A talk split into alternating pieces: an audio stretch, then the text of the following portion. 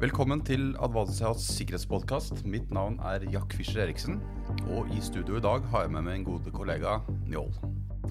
Eh, før vi gir deg ordet, Njål, så starter jeg alltid med en liten, eh, en liten eh, sitat fra en, denne gang en forfatter.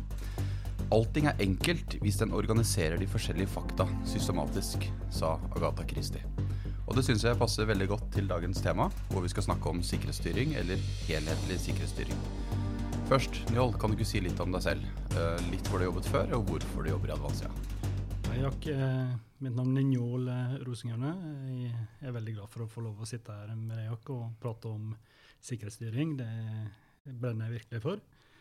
Jeg er statsviter. Jeg er utdanna ved Universitetet i Bergen med et masterstudium i administrasjon og organisasjonsvitenskap.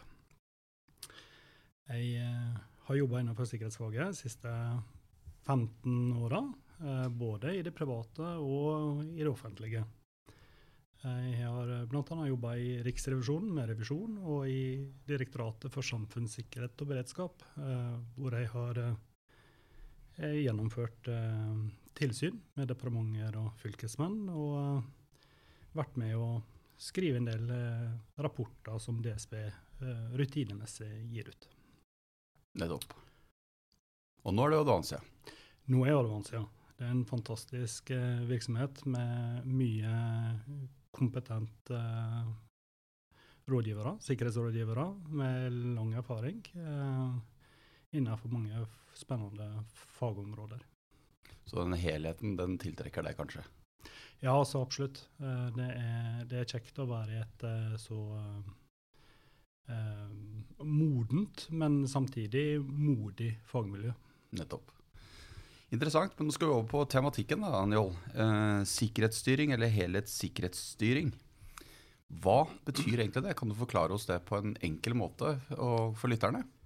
Ja, du refererte jo til Agatha Christie her, så innledningsvis som Hvis vi bare organiserer det på en skikkelig måte, så gir vi, gir vi god forståelse. Eh, sikkerhetsstyring handler jo om eh, å, å forstå de systematiske aktivitetene eh, og sette dem opp på en måte som gjør at du kan oppnå og opprettholde et sikkerhetsnivå som er overensstemmelse med både mål som virksomheten sjøl setter, men også krav som virksomheten har, gitt eh, det virksomheten bedriver. Mm. Så eh, er du en virksomhet som driver med, med ting som kan eh, gå i lufta, så er du fort eh, underlagt eh, forskrifter om storulykker. Er du og jobber innenfor forsvarssektoren, så er det fort at du er underlagt eh, sikkerhetsloven.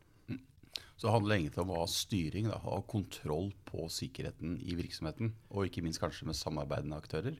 Ja, du må vite hva du, hva du egentlig bedriver, og hva er det du er avhengig av for å gjøre det du skal gjøre. Eh, og så er det om å gjøre å sette dette opp i en struktur som gjør at du kan, eh, du kan eh, internt og eksternt eh, kommunisere og formidle at du har eh, god kontroll på risikoen i det du driver på med. Dette er jo helt vanlig innenfor økonomi, f.eks. økonomistyring. Eh, så det er vel ikke noen grunn til at man ikke skulle kunne også ha det innenfor sikkerhetsstyring? Nei, innenfor eh, Det er jo ja, økonomistyring, virksomhetsstyring, så er jo det helt kjent. Mm. Og så er det jo i større og større grad eh, lovkrav. eh, og det har vokst fram eh, fagmiljøer i virksomheter innenfor HMS, informasjonssikkerhet, nå sist personvern, eh, og da eh, lov om eh, nasjonal sikkerhet. Ja, ikke sant? Så hvorfor er det viktig å ivareta helhetlig sikkerhetsstyring? Hva hva liksom, hva er eh, nytten for virksomheter som, eh, som både må gjøre det, eller velger å gjøre det på egen kjøl? Nytten med det? Mm. Nei, altså, det tar jo seg dårlig ut hvis du ikke klarer å ivareta de kravene som uh, samfunnet og staten uh, stiller overfor Mm. en. Uh, og vi ser jo det senest på personvernområdet, at ved innføringen så var det, var det st- et stort skremmebilde knytta til det, de bøtene som de forespeila kom til å, å bli, Mm. Bli iverksatt da, for de som ikke klarte å etterleve personvernforordningen. Mm. Um, så eh, jeg tror nytteeffekten for virksomheter er jo å prøve et, Etter hvert som disse eh, virksomhetene har blitt mer modne til Mm. å, å, behov, ser behov for å implementere disse styringssystemene for disse ulike fagområdene, så har det også vokst opp eh, eh, behov for interne ressurser for å, å drive disse ulike fagområdene. Du Mm. har egne HMS-rådgivere, Mm. du har egne personvernressurser, du har relativt store informasjonssikkerhetsressurser, staber, Mm. eh, seksjoner etter hvert. Eh, og tilsvarende så har du en evig kamp innenfor uh, forebyggende sikkerhet Mm. om å få ressurser til det. Mm. Men det er også han nytten som jeg også stiller spørsmål om, handler vel også kanskje om å ivareta eget omdømme. For hvis det går galt, og det viser seg at du ikke har hatt styring og hatt kontroll, så har du et omdømmeproblem. Det er noe annet å stå i media, tenker jeg, hvis du har hatt en hendelse og du kunne ikke noe for det, og du har gjort alt riktig. Men hvis tilfellet er det motsatte, at der har du ikke hatt styring og kontroll, så tenker jeg at du har et kommunikasjonsproblem i ettertid i hvert fall. Ja, det er helt klart. Det er viktig å, det er viktig å kunne uh, møte media og møte sine eiere og si det at uh, vi har gjort det vi uh, mente var riktig, og vi har jobba så systematisk og godt og helhetlig som mulig. Mm. Og på tross av det, så, så har det faktisk gått galt. Og det, Mm. det skjer jo fra tid til annen. Mm. Hvis vi går litt over til eh, samfunnssikkerhet, da, så, så hvilken kobling er det mellom sikkerhetsstyring og samfunnssikkerhet? Nei, jeg tenker jo at uh, Sikkerhetsstyringa handler jo først og fremst om virksomhetens evne til å ha kontroll. Uh, til, å, til å kunne ivareta de krav og de føringene som tilligger virksomheten, og de systematiske aktivitetene. Samfunnssikkerheten eh, handler mer om, om eh, samfunnet sin evne til å verne seg mot og håndtere hendelser som da truer grunnleggende verdier og funksjoner i, i samfunnet. Mm. Og for å, å unngå at en setter liv og helse i fare. Um, og slike hendelser er jo både tilsikta og utilsikta. Mm. Um, Mm. Så hvis du ser det litt større perspektivet, så samfunnssikkerheten er liksom systematisk arbeid helt ned på virksomhetsnivå, egentlig. Fordi samfunnet er avhengig av at virksomhetene fungerer når det kommer en krise. Og det har vi også sett i covid. ikke sant? Så hvis ikke virksomheten har sin kontroll og styring på sikkerhet, så kan det jo få igjen kanskje konsekvens for samfunnssikkerheten. Er det sånn du tenker rundt det også? ja, jeg tenker Norge, som stort sett består av mellomstore bedrifter, Mm. så har alle disse bedriftene en kjempestor rolle i samfunnssikkerheten. Mm. Uh, så uh, sikkerhetsstyringen i virksomheter kan både være en, en sårbarhet og en styrke for samfunnssikkerheten. Mm. Uh, så det tenker jeg er, er et viktig, er et viktig budskap ut til Mm. de som kanskje ikke nødvendigvis tenker at de er så viktige. Mm. Og Det har vi jo sett særlig i covid-situasjonen i forhold til matforsyning f.eks. Hvor viktig det er når mange storhandler fordi man er redd for at det skal gå tomt i hyllene. Og da er jo den eh, interne styringen disse matforhandlerne har, er vi jo helt avhengig av. Sett i et Mm. samfunnssikkerhetsperspektiv. da. Og Så må du snakke en del om totalforsvaret. Hva, hva tenker du? Blir det kanskje det samme vi snakker om? Ja, eh, det blir jo fort det, men kanskje i en litt annen spissere kontekst. Mm. Eh, men som også jeg mener å se eh, covid-hendelsen som Mm. vi står i, Mm. har illustrert at vi eh, for å opprettholde totalforsvaret, så er vi jo eh, kanskje avhengig av enda flere virksomheter enn hva vi kanskje trodde før Mm. denne, denne hendelsen Mm. Eh, Mm. traff oss i mars i fjor. Ikke sant. Eh, hvis vi går litt an over på, på lovverk, da. Er det sånn at det er lovpålagt for alle virksomheter å ha et styringssystem, eller er det frivillighet i det? Ja, det er mange, det er mange, mange virksomheter som, som, har krav på seg mm. eh, til, å, til, å, ha et styringssystem. Det er det. Mm. Um, så når du begynner å jobbe med virksomheter, så vil du se det at det, det er et vell av uh, forskrifter og lover eh, som, som, mm. stiller krav da, om, mm. om, om, styringssystem. Så det er noe man, mange må ha, og da gjelder det å velge riktige aktører, da, eller få tak i interne ressurser som kan dette, så du får god effekt, og at det ikke blir en, eh, en oppgave som utføres som ikke eh, brukes og benyttes til noe. Ja, altså det er ikke vits å utøve og implementere styringssystemer hvis du ikke faktisk får eh, satt det i, i verk. Mm. Så du må sørge for at du, det, det, blir tatt i bruk, og at det, det, det påvirker virksomhetens evne da, til å oppnå de mål som settes. Mm. Du jobber jo mye med Simniol, eh, mm. og eh, jobber da med det digitale styringssystemet for virksomhetene. Hva, hva er fordelen ved å bruke f.eks. et digitalt system til, eh, til, dette? Det vi ser, er jo at det er mange som har fragmenterte styringssystemer, som vi snakka om. Mm. for at det er noe, noe, som etterlever kvalitet, det er noe som etterlever HMS, og det er noe som etterlever mm. sikkerhetsloven. Og gjerne så ligger det også på type flat filstruktur mm. eh, i foldere på, på, diverse mapper eh, litt rundt omkring. Eh, og de som har ansvaret for sitt område, har jo ofte kontroll. Men virksomheten for øvrig har kanskje mindre grad av kontroll. Mm. Så det å ta i bruk teknologi som, eh, som er moderne, og som er tilgjengelig og blir godt implementert i, i, virksomheten, sånn at den treffer hele virksomheten og alle ansatte, det, det er viktig. Mm. Da skal vi litt ta opp en case, for vi dukker jo stadig borti dette hos kundene våre. Uh, og dette er en fiktiv case, men ganske relatert til det vi jobber med ofte til daglig.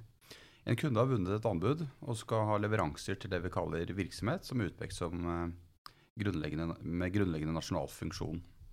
Dette medfører at de må oppfylle en rekke krav satt av sikkerhetsloven. Selskapet har ikke et helhetlig sikkerhetssystem for sikkerhet, og vi, vil, og vi vil utarbeide det for de. Hvordan går det fram hvis du skal starte med dette arbeidet hos en kunde?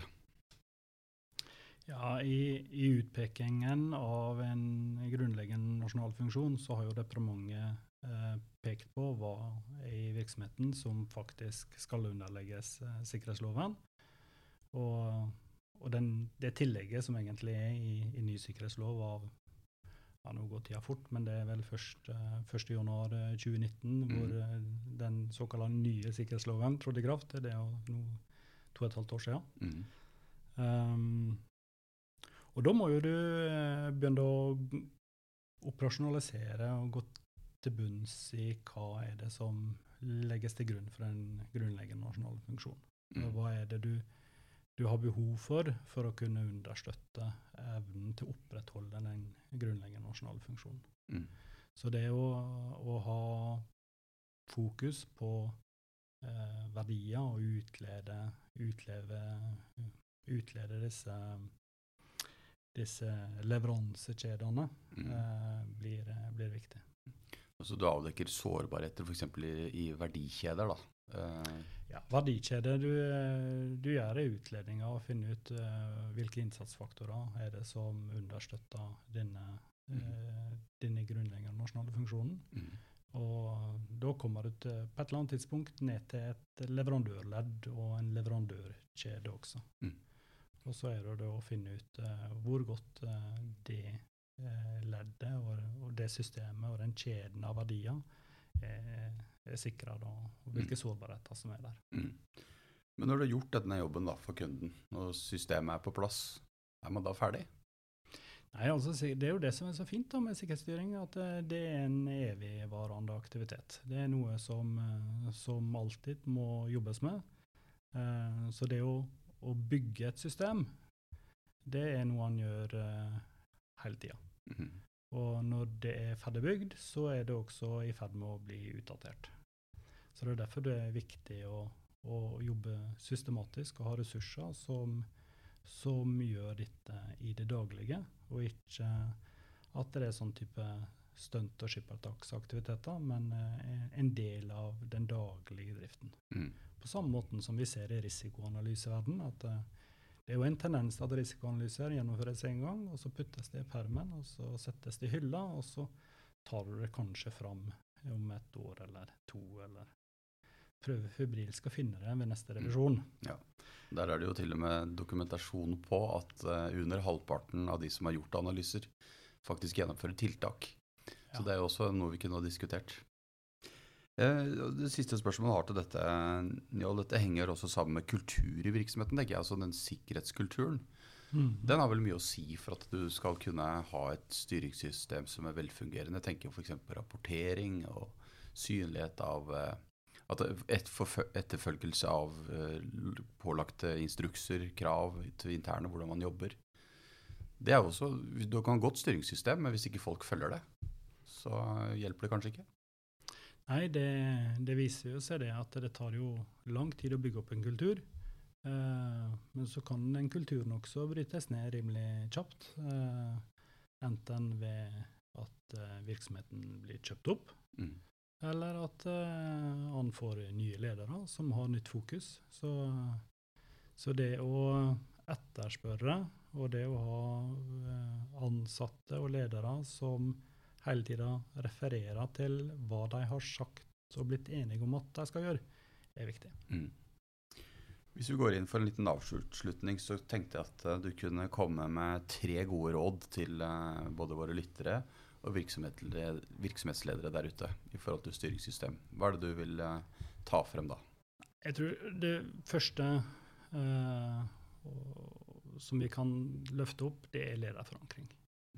Altså ifra, helt ifra prosjektet eller beslutningen om å implementere et ledersystem, ledelsessystem, så er lederforankring eh, viktig. Eh, og da, snakker ikke vi bare om en leder som, som beslutter at dette skal vi, men faktisk en leder som etterspør og er til stede og, og ber kontinuerlig om rapportering og effekter av det styringssystemet som resultater og effekter av det styringssystemet som blir implementert. Så Mm. tilstedeværelsen av ledelsen i hele systemets levetid er viktig. Mm.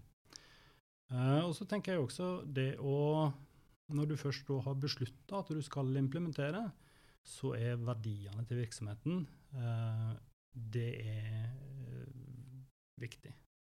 Fordi det danner jo rammen og avgrensningen til styringssystemet. Mm. Hva som er innafor og hva som er utafor av, av virksomhetens aktiviteter Mm. i dette styringssystemet. Mm. Så det å jobbe systematisk med å utlede verdier eh, og, og type kritiske innsatsfaktorer og hvilke leverandører og, og hvordan disse leverandørene understøtter virksomhetens eh, leveranser, det er viktig. Mm. Så eh, verdiperspektivet er også da eh, veldig viktig. Og det siste jeg tenker er lurt å ta fram, det er inkludering og involvering av virksomheten. Mm. Um, det, det er jo på det planet med å involvere sine ansatte, men også involvere uh, virksomhetens ulike fagområder. Mm. Prøve å tenke helhetlig, prøve å bygge ned siloer som har fått utvikle seg over tid. Altså siloene knytta Mm. til HMS, til informasjonssikkerhet, til, eh, til personvern, som er i ferd med å etablere seg som potensielt en ny silo Mm. og til da eh, forebyggende sikkerhet, som vi er kjent med er en silo. Mm. Eh, så det å finne løsninger som gjør at eh, eh, en flest, finner flest mulig fellesnevnere, som gjør at eh, disse fagområdene kan jobbe sammen om felles mål, tror jeg er veldig viktig. Mm. Bra. Da har vi også fått med oss noen eh, råd på veien. Eh, da avslutter vi for i dag. Jeg takker lytterne som har fulgt oss i denne podkasten, og takk til Daniel som stilte opp i studio. Takk for at vi kom. Hvis dere vil vite mer om Njål, så er det også en artikkel som finnes på vår hjemmeside og på sosiale medier, hvor du kan lese mer om Njåls eh, bakgrunn og hva han jobber med. Og gå gjerne inn på hjemmesiden til advansia.no for å få mer informasjon.